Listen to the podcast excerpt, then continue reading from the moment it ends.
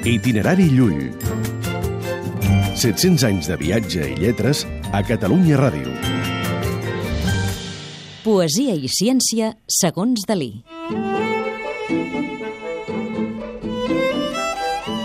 Salvador Dalí no veia cap contradicció entre la poesia i la ciència. Al contrari, per ell, poesia i ciència eren dues cares d'una mateixa realitat.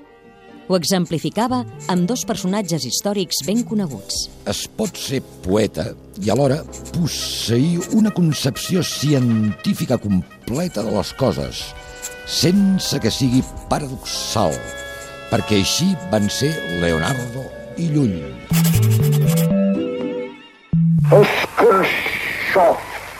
Ramon Llull i Leonardo da Vinci.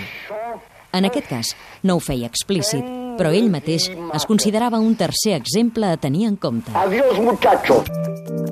Itinerari Llull.